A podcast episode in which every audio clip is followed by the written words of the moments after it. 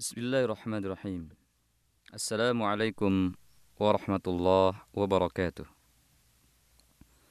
Alhamdulillah wassalatu wassalamu ala Rasulillah wa ashhadu an la ilaha illallah wahdahu la syarika lah wa ashhadu anna Muhammadan abduhu wa rasuluhu wa ba'd.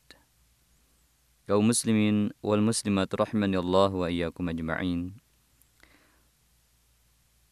Pada kesempatan ini, insya Allah kita akan membahas tentang menyambut tahun baru. Kaum muslimin wal muslimat rahimani Allah wa iyyakum ajma'in. Sampai saat ini kita telah melalui hari-hari, minggu-minggu, bulan-bulan tahun-tahun bahkan puluhan tahun yang lalu. Kita masih bisa hidup pada sampai sampai saat ini. Kita masih diberikan umur panjang oleh Allah Subhanahu wa taala yang kemudian pada saat ini pula kita menjalani kehidupan ini untuk menyambut tahun-tahun baru berikutnya.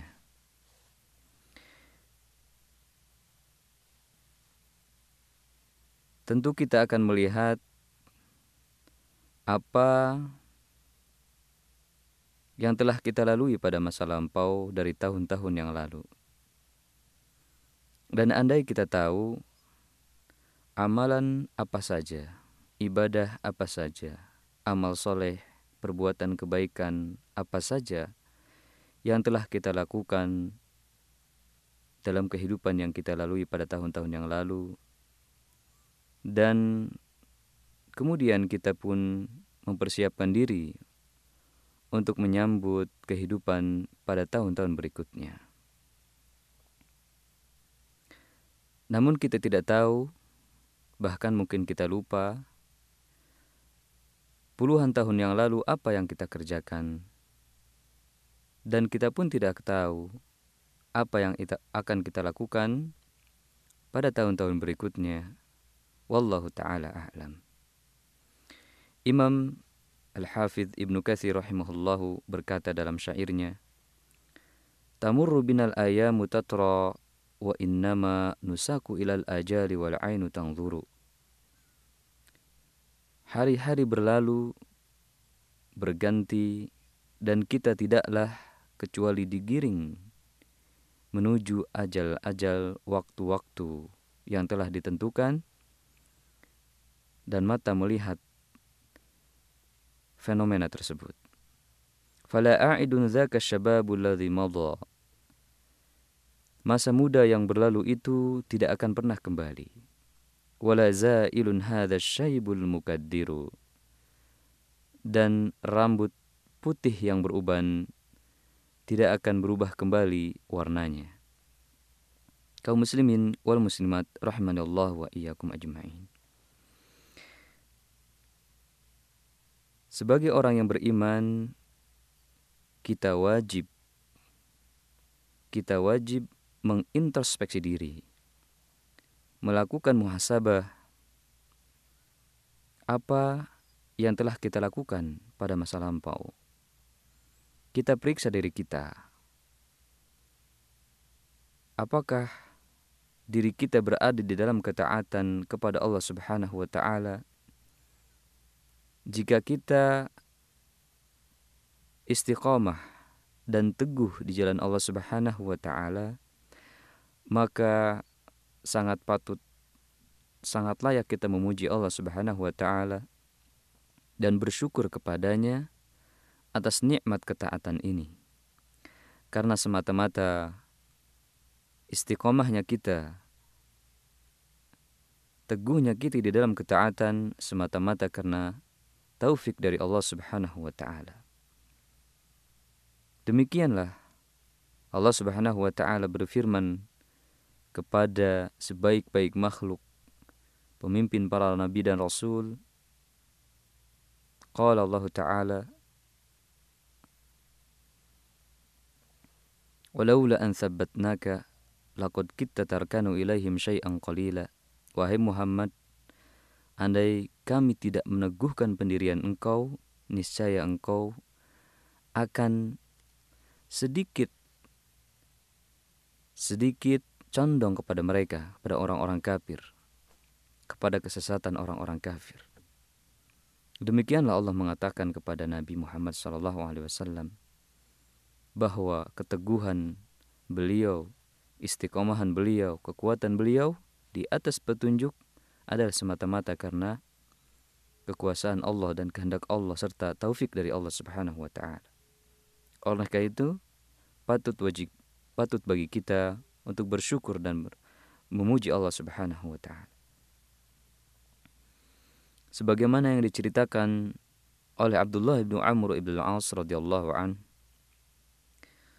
yang diceritakan oleh Abdullah ibnu Amr bin Al-As radhiyallahu anhuma bahwa Nabi sallallahu alaihi wasallam bersabda Inna quluba bani Adam Inna quluba bani Adam kullaha baina isbi'aini min asabi'ir rahman ka qalbin wahid. Sesungguhnya hati-hati Bani Adam, anak-anak Adam, semuanya berada di antara dua jari di antara jari-jari Ar-Rahman yaitu Allah laksana sebuah hati. Yusarrifuhu haitsu yasha. Allah membolak-balikan menggerakkan hati tersebut sebagaimana ia kehendaki. Thumma qala Rasulullah sallallahu alaihi wasallam. Kemudian Rasulullah sallallahu alaihi wasallam bersabda berdoa dalam doanya beliau mengatakan Allahumma musarrifal qulub sarrif qulubana ala ta'atik. Ya Allah yang menggerakkan hati, gerakan hati kami menuju ketaatan kepadamu. Dan Anas radhiyallahu anhu menceritakan bahwasanya Nabi Shallallahu Alaihi Wasallam sering sekali, banyak sekali mengucapkan doa ini, yakni Ya muqallibal qulub, thabbit qalbi ala dinik. Wahai zat yang membolak-balikan hati, teguhkan hatiku di atas agamamu. Maka dianjurkan bagi kita, bagi siapa saja yang mendapati dirinya dalam ketaatan, istiqamah dalam agama Allah, untuk memuji Allah dan memohon kepada Allah keteguhan di atas keistiqomahannya itu memohon kepada Allah istiqomah dalam keteguhannya itu.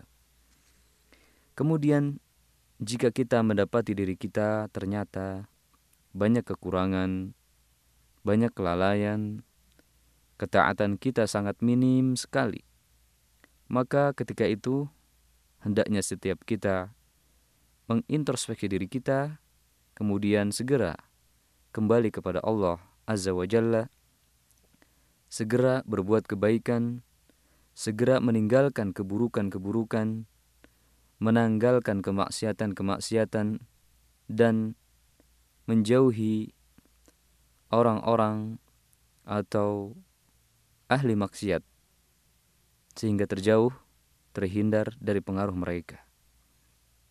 Itulah yang diajarkan kepada kita oleh Allah Subhanahu wa taala dalam firman-Nya وَتُوبُوا إِلَى اللَّهِ جَمِيعًا أَيُّهَا الْمُؤْمِنُونَ la'allakum تُفْلِحُونَ. Dan bertobatlah kalian kepada Allah semuanya, wahai orang-orang yang beriman, wahai orang-orang yang yakin, agar kalian beruntung.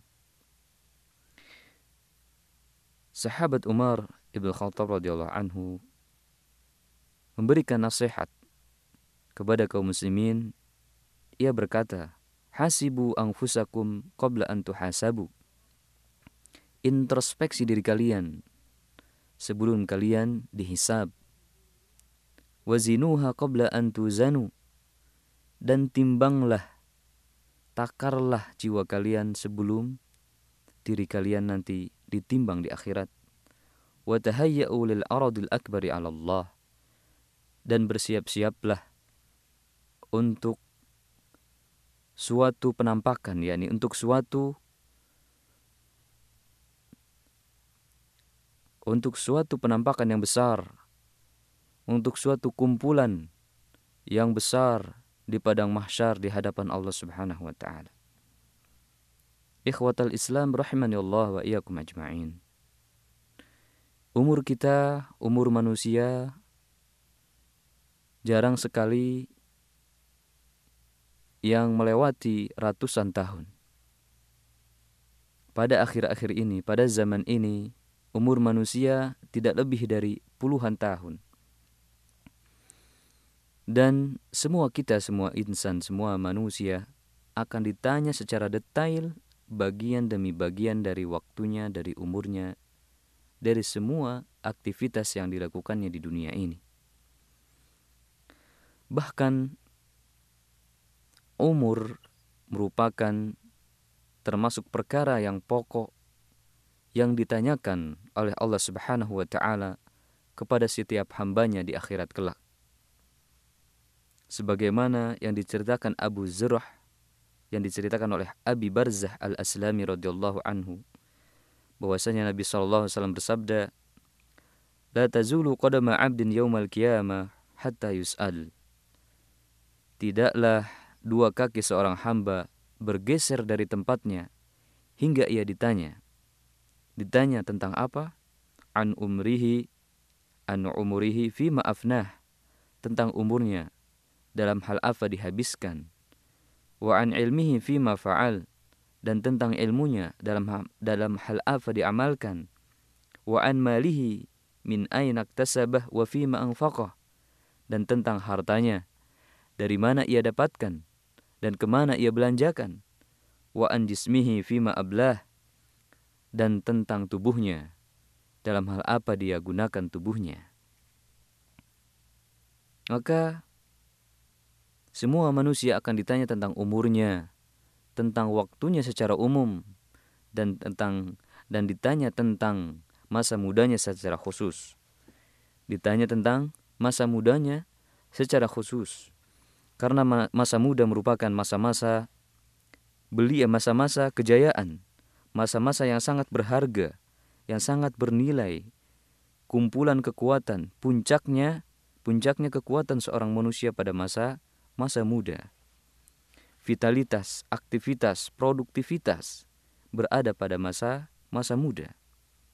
Dan urusan urusan dunia dari dulu hingga sekarang dan yang akan datang ke depannya selalu banyak ditumpukkan di pundak-pundak para pemuda. Oleh karena itu, waktu dan umur merupakan di antara nikmat yang paling mulia, yang paling agung yang diberikan Allah Subhanahu wa taala kepada hambanya. Dan betapa banyak manusia bahkan kaum muslimin terlena dan tertipu dengan waktu yang ada. Dan kita bisa saksikan itu, bisa saksikan itu, fenomena itu di sekitar kita. Bahkan, billah, bahkan diri kita dan keluarga kita mungkin mengalaminya. Sebagaimana diceritakan oleh Abdullah bin Abbas radhiyallahu anhuma bahwa Nabi Shallallahu alaihi wasallam bersabda, "Ni'matani magbunun fihima kathirun minan nas as-sihhat wal farag." Dua nikmat yang banyak tertipu olehnya kebanyakan manusia yaitu nikmat sehat dan waktu luang. Kaum muslimin wal muslimat rahimani Allah wa iyyakum ajma'in. Kata al-ghabnu dalam bahasa Arab sering digunakan dalam bidang jual beli atau dalam perkara jual beli. Al-ghabnu yaitu jika seseorang memberi suatu barang dan harganya berlipat-lipat ganda.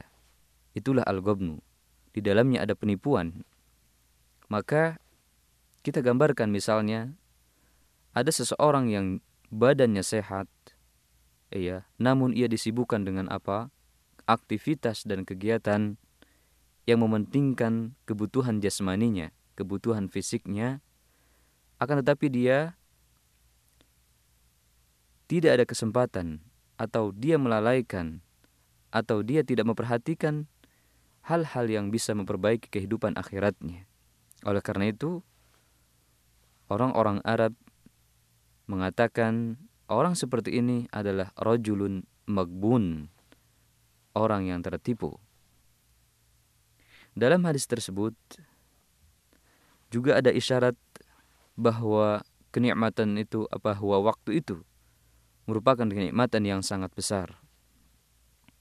Kenikmatan yang besar ini tidak akan didapat kecuali oleh orang orang yang diberikan taufik oleh Allah Subhanahu wa taala. Mengapa?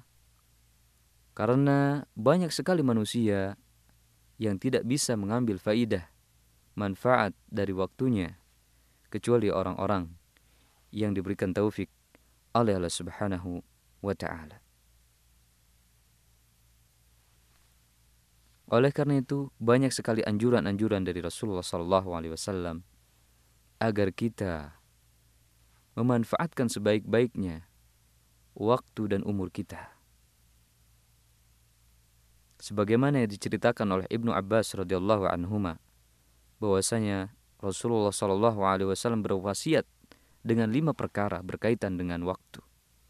Di antaranya beliau bersabda, "Igtanim khamsan qabla khamsin."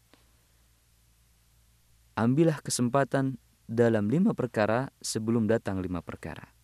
Kemudian beliau menyebutkan di antaranya, "Faragoka qabla syuglika syababaka qabla haramik." Waktu luangmu sebelum waktu sibukmu waktu mudamu sebelum masa tuamu. Muhammad At-Tali Ia berkata dalam syairnya, Khud min syababika qabla al-mauti wal harami. Gunakanlah waktu mudamu sebelum datang kematian dan masa tua. Wabadirit tauba qabla al-fauti wan nadami. Dan segera, segera bertaubat sebelum waktunya habis, sebelum ajal menjemput dan tiba penyesalan. Wa'lam bi annaka majaziyun murtahanun. Ketahuilah bahwa engkau akan dibalas dan engkau tergadai waraki billaha wahdhar zallatul qadami. Dan selalulah dekat kepada Allah dan waspadalah dari ketergelinciran. Demikian pula Imam Ibn Al-Qayyim rahimahullah berkata, ya, sungguhnya kehidupan dunia yang datang ini begitu cepat berlalu, lebih cepat daripada awan yang bergerak. Waktu berlalu dengan segala apa yang ada di dalamnya. Dan waktu itu tidak akan kembali kepadamu kecuali bekas-bekasnya dan hikmah-hikmahnya atau hukum-hukumnya. Maka kata Imam Ibn Qayyim rahimahullah pilihlah bagimu waktu yang di dalamnya ada manfaat yang akan kembali kepadamu. Karena manfaat itu waktu yang kamu gunakan yang di dalamnya ada manfaat akan kembali kepadamu. Oleh karena itu dikatakan nanti di akhirat kepada orang-orang yang berbahagia.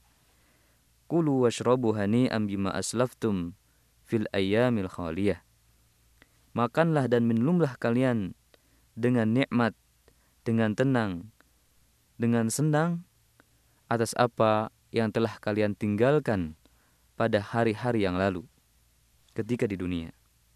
Dan akan dikatakan kepada orang-orang yang sengsara, orang-orang yang celaka, "Dzalikum bima kuntum tafrahun fil ardi bighairil haqqi wa bima kuntum tamrahun." Rasakanlah itulah apa yang telah kalian kerjakan di dunia atas kebahagiaan, kesenangan yang kalian rasakan yang tidak dilandasi dengan alasan-alasan yang benar dan disebabkan oleh kesombongan kalian ketika di dunia. Kaum muslimin wal muslimat rahimani Allah wa iyyakum ajma'in. Demikian pula nasihat dari imam besar Al-Imam Asy-Syafi'i rahimahullah ia berkata, Sahibtu Sufiyya, saya menemani seorang sufi. Faman tafa'tu minhum illa bikalimatain sami'tuhum. Akan tetapi saya tidak mendapatkan manfaat dari mereka kecuali dua kalimat yang aku pernah dengar dari mereka. Yaqulun al-waktu saif. Mereka orang sufi itu berkata, waktu itu adalah pedang. Fa in tahu wa illa qata'ak. Jika engkau tidak memotong waktu tersebut, waktu itu akan memotong kamu. Wa nafsuka illam tushghilha bil haqqi wa illa syaghal bil batil. Dan jiwamu, jika tidak engkau sibukkan dengan kebenaran, dengan hak, maka jiwamu itu akan menyibukkan engkau dengan kebatilan. Kaum muslimin wal muslimat rahimani Allah wa ayakum ajma'in. Demikian pula jika kita perhatikan sirah para salafus salih, orang-orang saleh terdahulu dan orang-orang yang berjalan di atas metode hidup mereka dalam agama. Dalam kehidupan dunia ini, niscaya kita akan dapati mereka merupakan orang yang paling sungguh-sungguh dalam menjaga waktu, mereka mengisi waktu-waktu mereka dengan kebaikan, dengan amal-amal yang bermanfaat. Sebagaimana Abdullah bin Mas'ud pernah berkata, "Ma nadimtu ala syai'in nadami ala yaumin gharabat syamsuhu naqasa fihi ajali walam yazdad fihi amali." Saya tidak merasa menyesal lebih dalam dari penyesalan, penyesalan saya pada suatu hari di mana pada hari itu matahari tenggelam dan ajalku berkurang, umurku berkurang, akan tetapi amalku tidak bertambah. Dan juga Al-Hasan Al-Basri rahimahullah pernah berkata, Wahai anak Adam, sesungguhnya engkau adalah kumpulan hari-hari. Jika satu hari berlalu darimu, maka satu bagian dari umurmu telah pergi.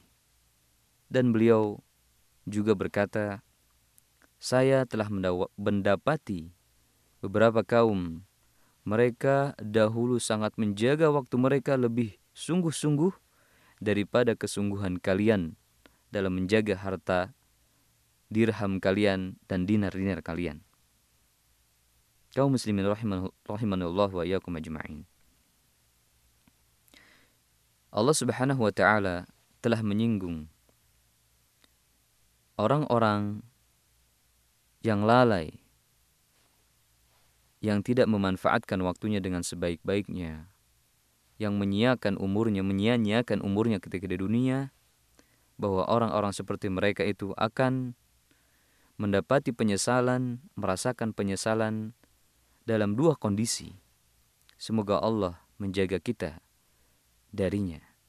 Dua kondisi tersebut adalah yang pertama, mereka akan menyesal ketika kematian telah dekat dan mendatangi mereka. Ketika kematian telah menghampiri mereka dan mereka menuju akhirat dan meninggalkan dunia. Ketika itu, ketika itu seseorang akan merasa akan berandai-andai, akan menginginkan ya mengangan-angankan waktu. Seandainya ia diberi waktu sedikit saja atau ia diakhirkan saja dari hidupnya ditambah sedikit saja umurnya niscaya ia akan mengerjakan suatu kebaikan sebagaimana firman Allah Subhanahu wa taala menghikayatkan. Qala ta'ala hatta idza jaa ahadumul maut qal.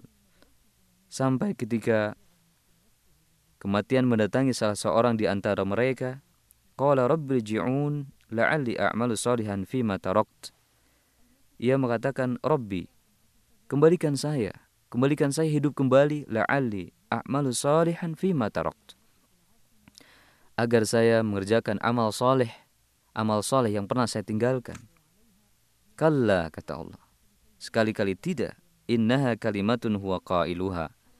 Sungguhnya itu hanyalah ucapan di mulutnya saja. Wa waraihim barzakhun ila. Dan di belakang mereka menunggu alam barzakh. Mereka tinggal di alam barzakh, hidup di alam barzakh sampai hari kebangkitan. Ini kondisi yang pertama. Kondisi yang kedua yaitu seseorang akan merasakan menyesal Ketiga di akhirat. Ketika sudah berada di akhirat, ketika penduduk surga masuk ke surga-surga mereka dan penduduk neraka menuju neraka-neraka mereka menuju neraka Allah Subhanahu wa taala menduduki posisi mereka di neraka masing-masing maka Allah Subhanahu wa taala pun memberitakan kebenarannya dalam firman-Nya walau tara idzal mujrimuna nakisu ru'usihim inda rabbihim seandainya engkau melihat ketika orang-orang yang berdosa menundukkan kepala mereka di hadapan Rob mereka. Rabbana absorna wa sami'na farji'na na'mal inna muqinun. Tuhan kami, sungguhnya kami telah melihat, kami telah mendengar, maka kembalikanlah kami. Kembalikanlah ke dunia, na'mal soliha, kami akan melakukan amal soleh. Inna muqinun, sungguhnya kami orang yang yakin. Akan tetapi, tidak ada manfaat penyesalan mereka, tidak ada manfaat permohonan mereka ketika keputusan sudah sudah diputuskan oleh Allah Subhanahu wa taala. Dan Allah Subhanahu wa taala berfirman, "Wattabi'u ahsana ma unzila ilaikum min rabbikum." Dan ikutilah sebaik-baik apa yang diturunkan kepada kalian dari Tuhan kalian min qabli ayyatiyakumul azabu baghtah sebelum datang azab kepada kalian secara tiba-tiba wa antum la tash'urun dan kalian tidak merasakannya. Antakulu nafsun ya hasrata ala ma farrattu fi jambillah. Ketika itu manusia mengatakan orang yang celaka mengatakan ya hasrata ala ma farrattu fi jambillah. Celakalah aku terhadap apa yang aku sia-siakan di sisi Allah Azza wa Jalla. Kaum muslimin wal muslimat rahimanallah wa iyyakum ajma'in. Imam Ibnu Katsir rahimahullah berkata, yakni pada hari kiamat nanti orang-orang yang berdosa, orang-orang yang lalai, yang melalaikan perintah Allah, yang melalaikan perintah Allah dari bertaubat dan kembali kepada Allah, mereka sangat mengharapkan ya sangat menginginkan andaikan mereka termasuk orang-orang yang berbuat baik termasuk orang yang ikhlas, termasuk orang yang taat kepada Allah. Ketika hari kiamat, orang-orang yang berdosa akan merasakan seperti itu. Dan dalam sahihain, sahih Bukhari wa Muslim, terdapat sebuah kisah kisah tentang domba ketika disembelih di antara surga dan neraka. Dalam hadis itu disebutkan bahwa ada panggilan yang dikatakan Ya ahlal jannah, khuludun fala maut. Wahai penduduk surga, kalian kekal abadi di surga dan tidak ada kematian lagi. Wa ya ahlan nar, khuludun fala maut. Dan wahai penduduk neraka, kalian kekal di neraka dan tidak ada kematian setelah ini. Kemudian Nabi SAW membaca firman Allah Subhanahu wa taala, "Wa anzirhum yaumal hasrati idh qudiyal amru wa hum fi ghaflatin wa hum la yu'minun. Berikan peringatkan kepada mereka pada hari hari kecelakaan. Idh qudiyal amru ketika putusan diputuskan, ketika perkara diputuskan dan mereka ketika itu dalam keadaan lalai dan mereka tidak beriman. Dan ketika itu Rasulullah ber, mengisyaratkan dengan tangannya ke dunia oleh karena itu, kita sebagai kaum mukminin yang berakal, hendaknya kita memanfaatkan waktu kita sebaik-baiknya. Karena kita tidak tahu, kita tidak tahu kapan ajal itu akan datang.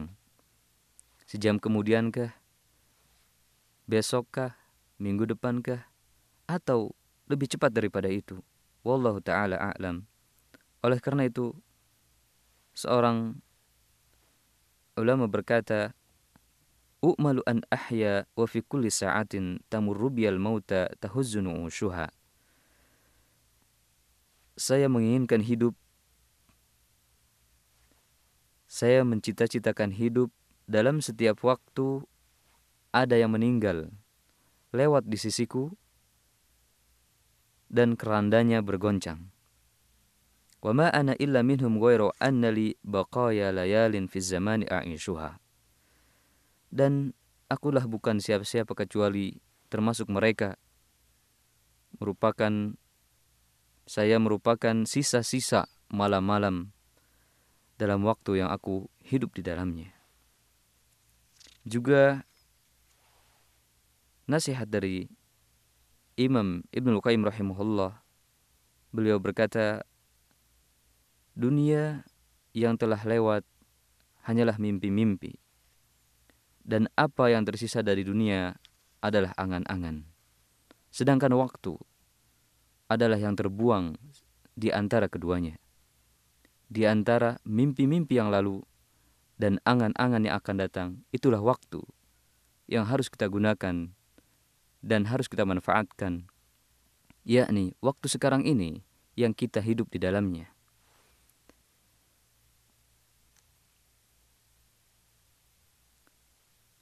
Demikian pula wasiat atau nasihat dari sahabat Ali radhiyallahu an dalam Sahih Al-Bukhari bahwasanya ia berkata irtahalati dunya mudbirah dunia itu pergi menjauh. Wartahalatil akhiratu muqbilah. Dan akhirat datang menghadap, datang menjemput. Fakunu min abna'il akhirah, wala takunu min abna'id dunya.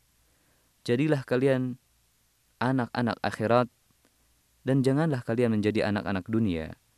Fa innal yawma amalun wala hisab.